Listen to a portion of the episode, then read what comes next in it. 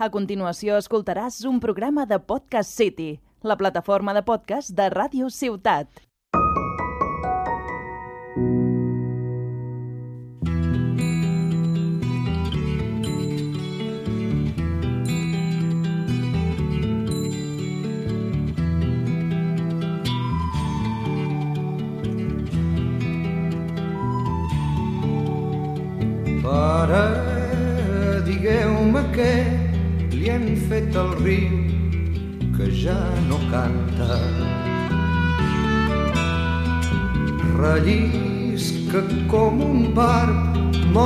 Sota un pam d'escuma blanca. Pare... Hola a tothom i benvinguts a la setena entrega de Tarragona Sostenible, en el marc de les activitats dutes a terme des de la càtedra d'URB de Desenvolupament Sostenible. El nostre objectiu és abordar aquells temes relacionats amb el medi ambient i el nostre model de desenvolupament. Com de sostenible o poc sostenible és el nostre model de desenvolupament. Des de que vam començar allà per la tardor de l'any passat, ja hem parlat de la mà d'experts, de la transició energètica, de la percepció del risc petroquímic al Camp de Tarragona, de la mobilitat de turistes i residents en el marc de la Covid-19, dels serveis climàtics dirigits al turisme sol i platja i a la pràctica del surf, dels connectors ecològics, que són les seves funcions, etc. I, si recordeu, en el darrer podcast vam parlar d'un ensenyament de l'ORB molt vinculat amb les qüestions ambientals, com és el grau en Geografia, Anàlisi Territorial i Sostenibilitat, i de les seves assignatures per projectes. En una d'aquestes assignatures, els estudiants han treballat sobre els serveis meteorològics i climàtics i vam venir dos d'aquests estudiants per parlar concretament dels serveis meteorològics i climàtics lligats a una activitat determinada com és l'escalada. I de què parlarem avui? Doncs avui parlem de població, de demografia, quants som, quina està la dinàmica de la població en els darrers anys, com estem estructurats, què ens diuen les projeccions de població, quines són les implicacions de la dinàmica i l'estructura de la població des d'un punt de vista social, econòmic i territorial. I amb qui parlarem? Doncs avui ens visita el doctor Joan Alberic, professor del Departament de Geografia de la URB i investigador del grup de recerca d'anàlisi territorial i estudis turístics de la Universitat Pública de Tarragona. Hola, Joan. Gràcies per estar aquí avui amb nosaltres. Hola, Òscar, i a tots els oients. Molt bones. A veure, quines variables demogràfiques determinen una major o menor, un, un major o menor creixement o una pèrdua de població? Bé, en general, la, la dinàmica demogràfica obeeix a dos components, no?, que en diem. És a dir, la població creix o disminueix per la combinació de dos components. D'una banda, hi ha el que en diem el creixement natural, la diferència entre els naixements i les defuncions. Des d'aquest punt de vista, si tenim més naixements que defuncions, diguem-ne, doncs la població eh, creixeria. L'altre component que hem de tenir en compte és eh, la, el saldo migratori. Quantes eh, migracions tenim d'entrada en comparació a quanta gent surt durant el mateix període. És un balanç, diguem, entre entrades i sortides. Novament, si tenim més entrades que sortides, doncs la població des del punt de vista migratori creixerà. Clar, aquests dos components, que fins a un cert punt són independents entre ells, es combinen, de manera que podem combinar un creixement natural que sigui positiu amb un de migratori que sigui negatiu o a la inversa, o tots dos en el mateix sentit, de manera que, eh, diguem-ne, la població serà el resultat de com es combinen i de quina dimensió i signe tenen aquests dos components. Val a dir que eh, si el que analitzem és la població mundial, un d'aquests components s'elimina. Uh, no tenim migracions amb, amb altres planetes, no? no? No tenim intercanvis amb altres planetes i, per tant, si volguéssim analitzar la població mundial, la seva dinàmica només seria fruit de quanta gent ha nascut al món durant un determinat període en comparació a quanta gent s'ha mort durant aquell mateix període. Normalment és veritat que nosaltres no treballem a escala mundial i així que anem acotant l'àrea i treballem àrees molt més petites, doncs sí que hem de tenir en compte uh, aquests dos factors i com es combinen entre ells. Sí, sí, clar, a nivell planetari tothom que surt eh, a l'espai amb coets, el seu objectiu últim és intentar tornar a la Terra, amb la qual cosa saldo migratori no n'hi no, no ha. Eh, però concretem, no? Home, si, si tornen un any diferent del que han marxat, doncs potser sí que un any computen com a alta i com a baixa, però, però ja, ja m'enteneu què, què, què sí, vull dir, no? Sí, sí.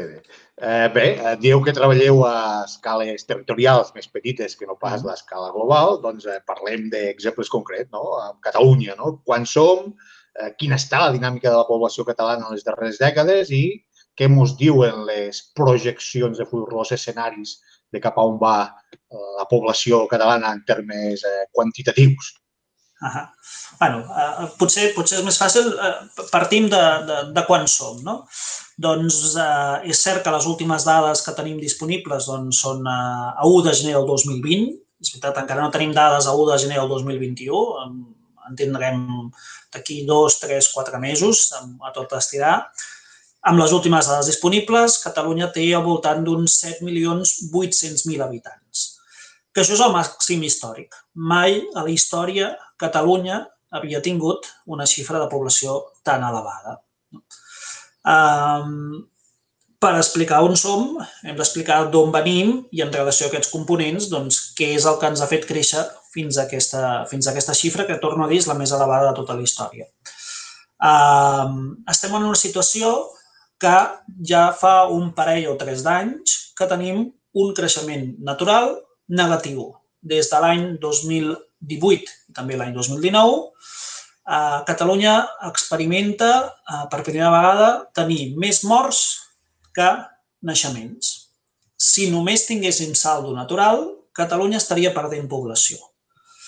Si he comentat que estem a un màxim històric, vol dir que això no està passant, que estem creixent i, per tant, si com a saldo, eh, com a saldo natural perdó, eh, tenim eh, més mm, de funcions que naixements, vol dir que l'altre component que us comentava és el motor del creixement.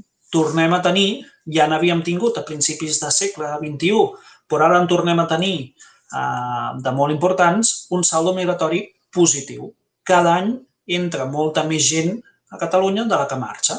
Estem al voltant de l'ordre d'unes eh, 70.000, 80.000 persones més que entren respecte de les que surten. I això és una tendència eh, bastant generalitzada els últims anys. Si ampliem la vista i anem a veure què passa des de principis del segle XXI, des de l'any 2000, l'any 2001, eh, la tendència sempre ha estat aquesta. És veritat que en aquell moment el creixement natural era positiu, ja vèiem, ja donàvem símptomes de que això aniria a la baixa i, com dic, eh, el principal component del creixement de Catalunya és el saldo migratori. És veritat que aquest saldo, en alguns moments, eh, havia tingut eh, xifres molt importants. Veníem dels anys 2004, 2005, 2006, 2007, on Catalunya cada any, cada any, només per saldo migratori creixia de l'ordre de 130.000, 140.000 persones més. Sempre poso el mateix exemple. És com si cada any a Catalunya creixés de cop una ciutat de Tarragona. Un any, de una de Tarragona. L'any següent, una altra. L'any següent, una altra. I això va durar 4, 5, 6 anys entre l'any 2003 i l'any 2008.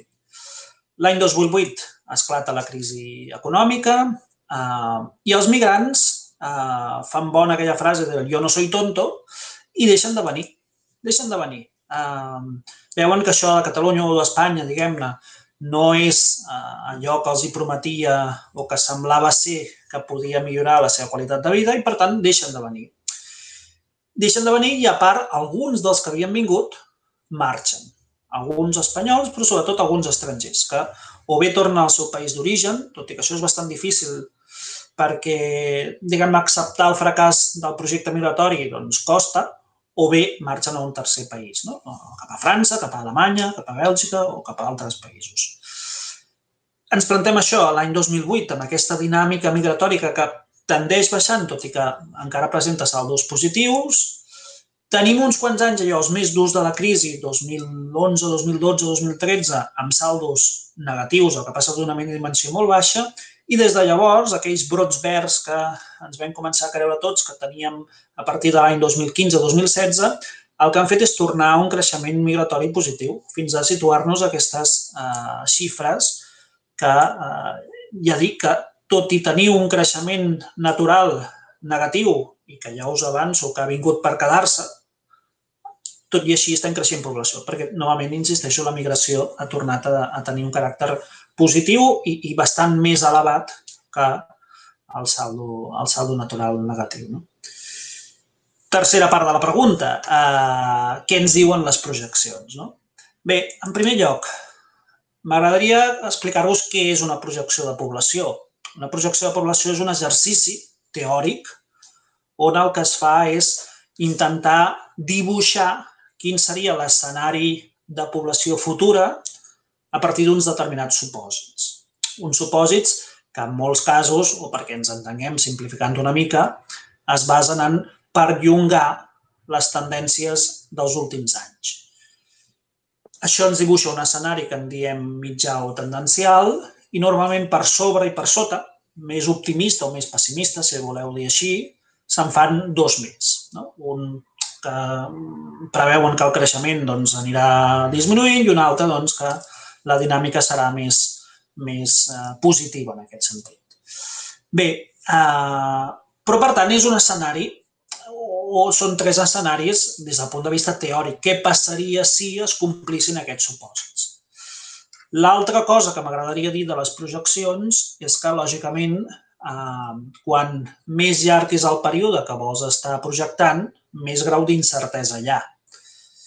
Perquè ens fem una idea, l'Institut d'Estadística de Catalunya, que és l'organisme oficial que elabora les projeccions de població, les últimes que ha elaborat eh, projecten la població fins l'any 2061, és a dir, 40 anys vista. Clar, 40 anys vista, el grau d'incertesa és molt elevat i, per tant, els tres escenaris ens dibuixen tendències molt diferents perquè ens fem una idea, allò, amb, amb grans xifres.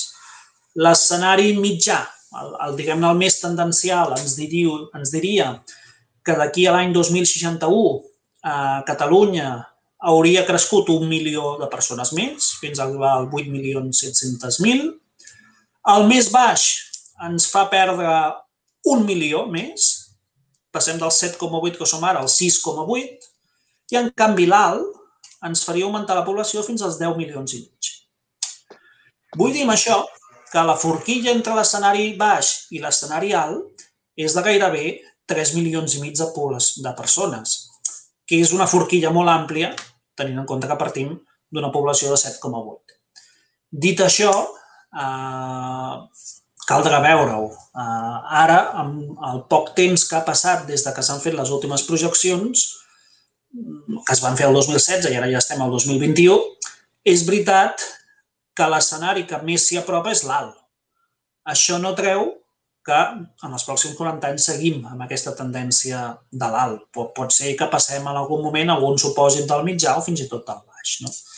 I en aquest sentit, insisteixo, les projeccions s'han d'entendre com, com un exercici teòric, no allò d'encertar la boleta de saber la població concreta, sinó eh, què passaria si eh, la tendència fos la que és. No? Bé, està clar, són, són, són escenaris. Eh, has parlat de Catalunya, eh, uh -huh. aquesta dinàmica.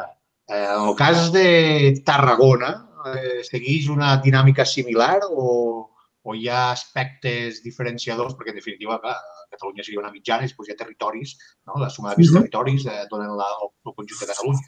En el cas de Tarragona, podríem veure aspectes diferenciats o segueix un patró similar al que has explicat del conjunt de Catalunya? Clar, eh, no, no he entrat en detalls en una projecció, però ara sí que ho faré i després eh, contestaré la pregunta, Òscar. Eh, pensem que quan es fa una projecció, el que es fa és bàsicament projectar per separat aquest creixement natural que hem comentat, naixements i defuncions, per l'altra les migracions. Projectar naixements i defuncions és relativament senzill. Ve bastant determinat per l'estructura de població. L'estructura més jove, tindràs més naixements, menys defuncions, etc etc. I, per tant, són allò, faves puntades. El que és bastant més incert són les migracions, perquè les migracions, en termes generals, no depenen de la pròpia estructura, sinó que depenen d'un factor extern a la demografia, o fins a un punt extern, com és eh, la situació econòmica del país, etc etc. Per tant, fet aquest preàmbul, passo a contestar-te. Des del punt de vista de l'estructura, des dels naixements i de funcions, la província de Tarragona o el camp de Tarragona en general, Terres de l'Ebre potser sí que és una mica més envellit, no té una estructura massa diferent de Catalunya. Um, sí que és veritat que dins de la província o dins del Camp de Tarragona la franja litoral és una mica més jove, mentre que l'interior doncs, és més envellit. Però en el seu conjunt eh, l'estructura és relativament semblant.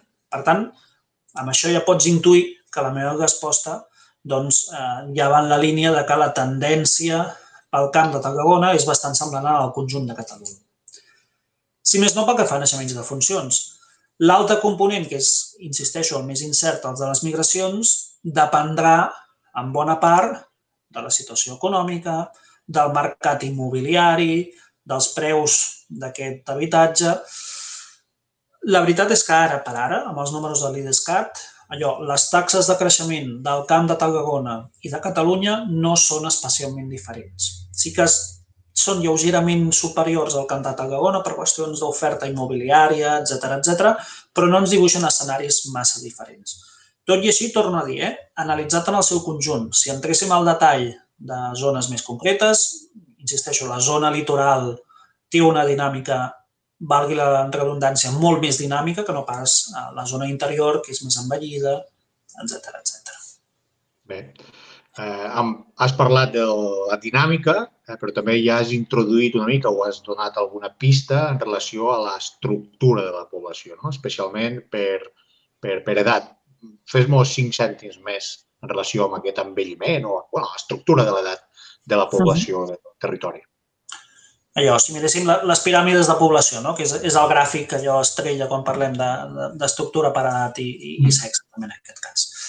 Um, ja he comentat, no? l'estructura del Camp de Tarragona en el seu conjunt és força semblant a la Catalunya, però hi ha aquesta uh, dualitat entre les comarques més litorals, el Tarragonès, uh, el Baix Camp, uh, més joves, uh, amb més dinàmica i que, per tant, això té efecte sobre una menor mortalitat, una major uh, natalitat etc etc, enfront d'un interior més envellit, que històricament doncs, ha tingut processos de despoblament, de migracions eh, del camp cap a la zona més urbana, que aquí sí que doncs, aquesta qüestió de l'envelliment doncs, eh, hi és més present. Eh?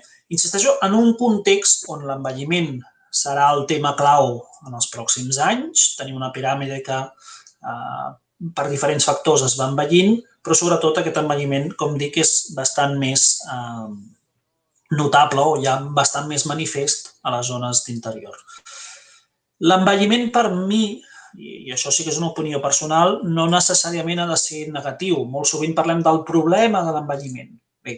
Jo sempre dic provocativament que potser l'envelliment pel conjunt de la població potser sí que és un problema o més aviat és un repte, però pensem que la demografia està feta a partir d'experiències individuals, no?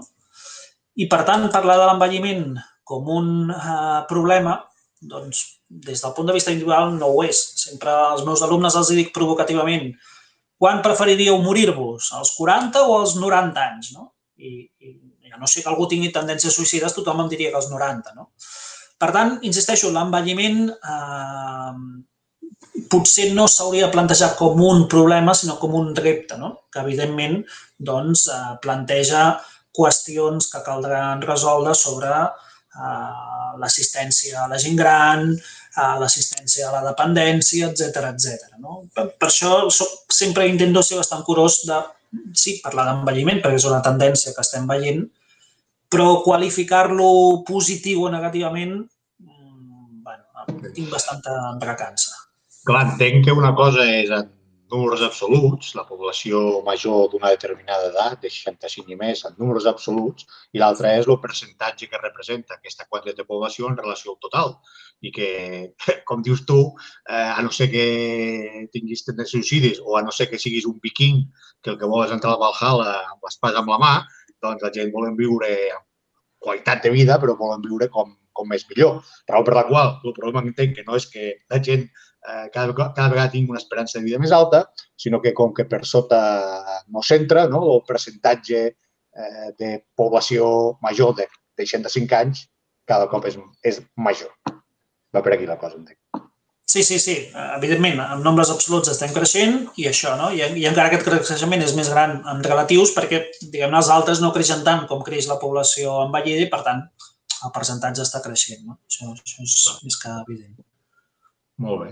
Clar, eh, això, eh, els que professionalment, sigui a la universitat o en altres sectors, us dediqueu a anàlisi d'aquestes dades, la qüestió no és únicament fer un anàlisi estadístic de si el creixement natural per aquí, tant, tanta natalitat, tanta mortalitat, si les taxes augmenten o baixen, sinó que té unes implicacions. No? La dinàmica i l'estructura de la població d'un territori té unes, unes, unes eh, implicacions.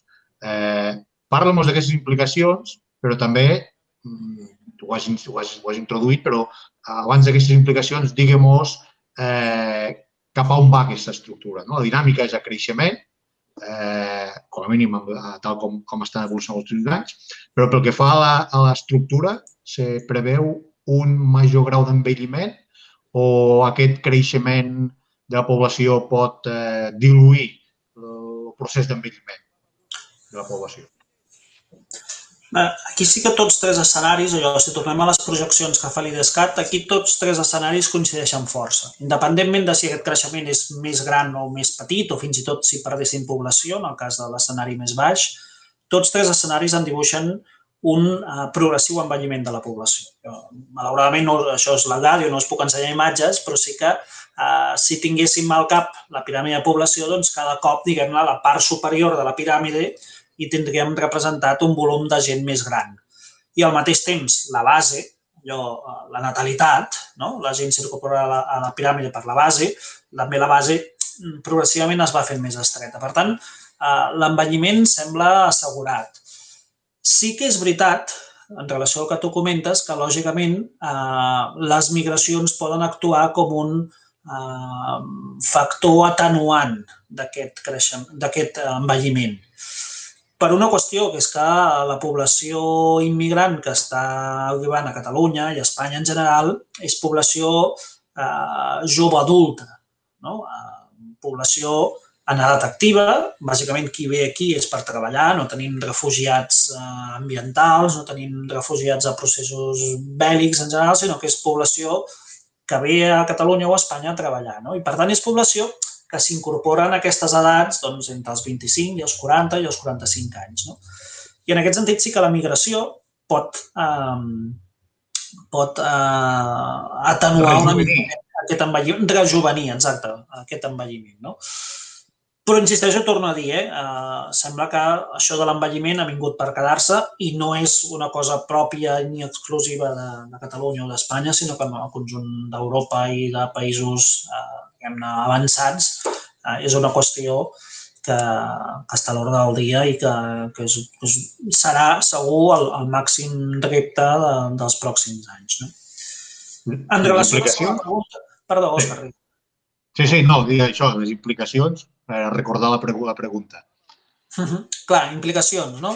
Uh, us puc parlar de, de, de, de què, què ens demanen, no? Els, els, com a demògraf, uh, és evident que, que conèixer la població és una de les bases per conèixer uh, les dinàmiques de qualsevol territori. No? Jo sempre dic que uh, si com a geògraf el que hem de fer és estudiar i comprendre tot allò que passa uh, sobre la superfície del planeta, doncs una de les coses que passa, o una de les més importants, és que tenim 7.500 milions d'individus d'una espècie invasora, que és l'espècie humana. No? Reduït a escala petita, doncs, evidentment, conèixer quina és la dinàmica Eh, d'una població doncs és molt important per planificar i preveure eh, equipaments, actuacions, eh, accions, estratègies eh, pel futur. No? Un exemple molt fàcil. No? Um, una demanda que tenim sovint és fer projeccions de població, per exemple, d'edat escolar. No? L'Ajuntament ens demana que necessita planificar a 10-15 anys vista els seus equipaments escolars, i ens demana doncs, que fem aquest exercici és veritat que teòric, però lògicament com més eh, pròxim possible a la realitat, de preveure quina serà la seva demanda de població escolar per si doncs, ha de crear una nova llar d'infants o ha d'ampliar les línies d'ESO, etc etc. Conèixer, conèixer aquesta dinàmica de població doncs, eh, és important. No tan sols en places escolars, sinó també en equipaments de tot tipus, residències de la gent gran, eh, CAPs, eh, etc etc. No? Demandes d'habitatge, eh, etc.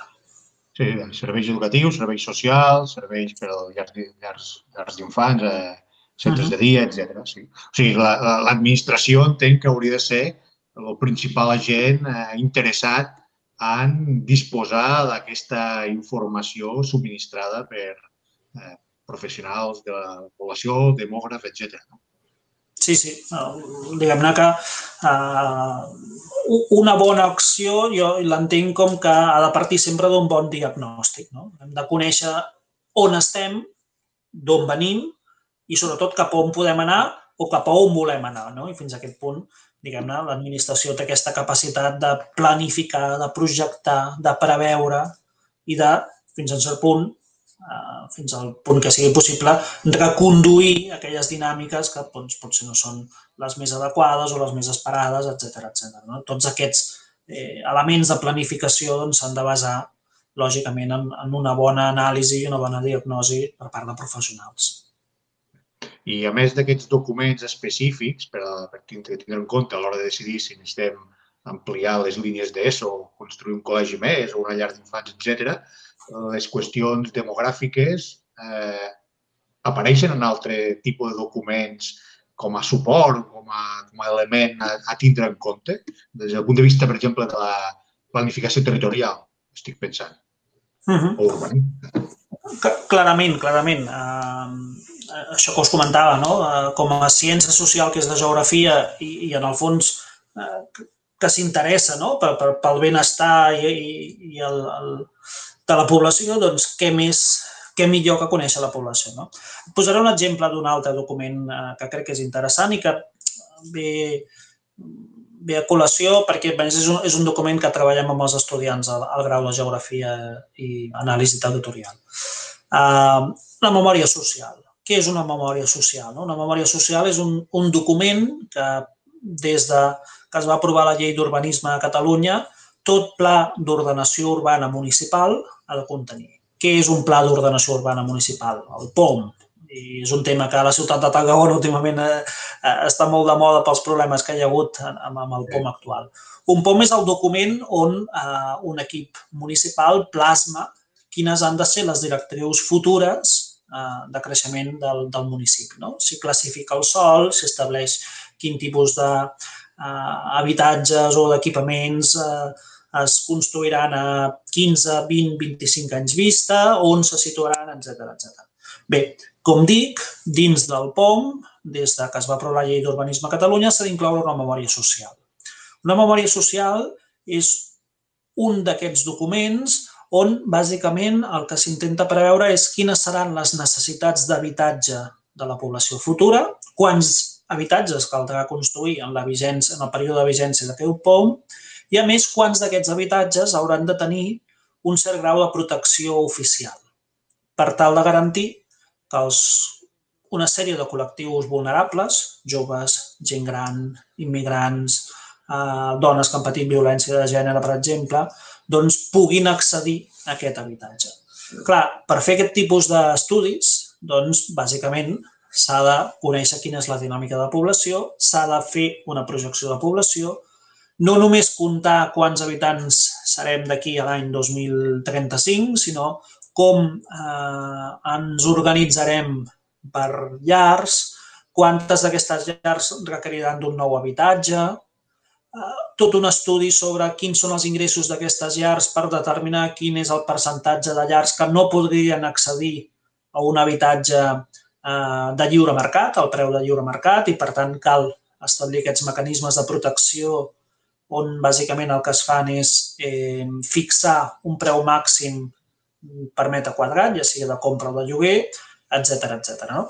Com veus, és una política no directament demogràfica, però que sí que té un rerefons, que és conèixer quanta població, quines característiques socioeconòmiques té aquesta població, com s'estructurarà en llars, quantes d'aquestes llars demandaran un habitatge, etc etc. No? Un, un, un exemple en aquest sentit. Bé, pel, pel, que, pel que dius, l'últim podcast vam tindre, com, vaig, com he comentat, a dos estudiants que van parlar d'una assignatura per projecte sobre els serveis meteorològics climàtics relacionats amb l'escalada. O sigui, entenc que els estudiants del grau de Geografia, Anàlisi Territorial i Sostenibilitat de l'URB, les qüestions aquestes de demografia i, concretament, la de la memòria social, no? aquell document que ens escap, per exemple, per, com a exemple, no?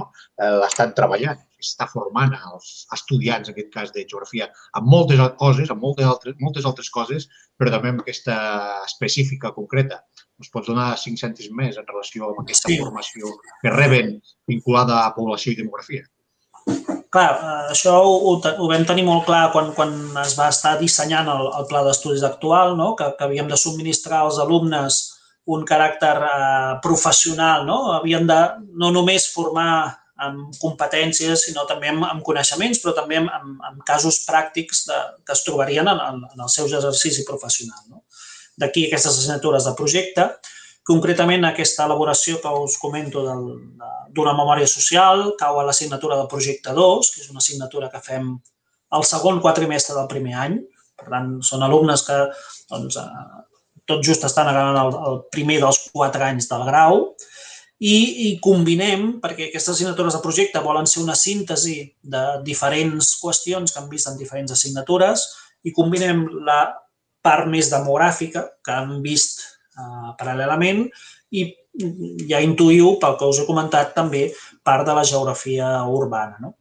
I en el cas concret d'aquesta assignatura, ja fa un parell d'anys doncs, que l'estem duent a terme, el que els proposo als estudiants és que fem una, un simulacre, per dir-ho així, d'una memòria social d'un municipi en concret, treballem la ciutat de Tarragona i el que fem és, eh, a través de les zones urbanes en què podem eh, dibuixar la ciutat de Tarragona, doncs Llevant, la part alta, Bonavista, Togaforta, Camp Clar, etc etc. cadascun d'aquests dels estudiants treballen en grups a cadascuna d'aquestes zones i el que fem és eh, posar en comú tot allò que han après i han diagnosticat i analitzat d'aquestes zones per acabar dibuixant un panorama general de la ciutat de Tarragona i fer aquesta estimació de la població futura, de les llars futures, del nivell de renta d'aquestes llars i finalment acabem allò, la xifra màgica de quina seria eh, el volum d'habitatges que la ciutat hauria de proporcionar a 15-20 anys vista. Molt bé, doncs eh, bueno, és un tema molt interessant i crec que és bo saber que els estudiants de la URB, concretament d'aquest grau de geografia, s'estan formant en aquest tema de la població i demografia.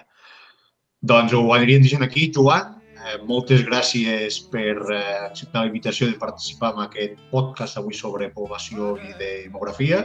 I així com amb altres companys que han participat en aquest podcast, no us diem que ben aviat esperem veure'ls perquè ens expliquin resultats de projectes que estan endegant, que estan engegant, doncs en el teu cas, bé, no sé si ha de ser aquest mateix any, però ens interessarà veure no el 2045, no una mica abans, si pot ser, doncs, per veure com han anat, com han evolucionat, no? si s'estan complint les projeccions que mos has, que mos has eh, indicat ara. Com deia, moltes gràcies, Joan, per, per participar. Moltes gràcies, Òscar, a tu per la invitació. I bé, eh, aniríem acabant el programa, com diem el programa, fins a una nova entrega de Tarragona Sostenible, un podcast de Ràdio Ciutat de Tarragona. Vagi bé a tothom! de ferro Pare, no, no tingueu por, digueu que no. Has escoltat un programa de Podcast City, la plataforma de podcast de Ràdio Ciutat.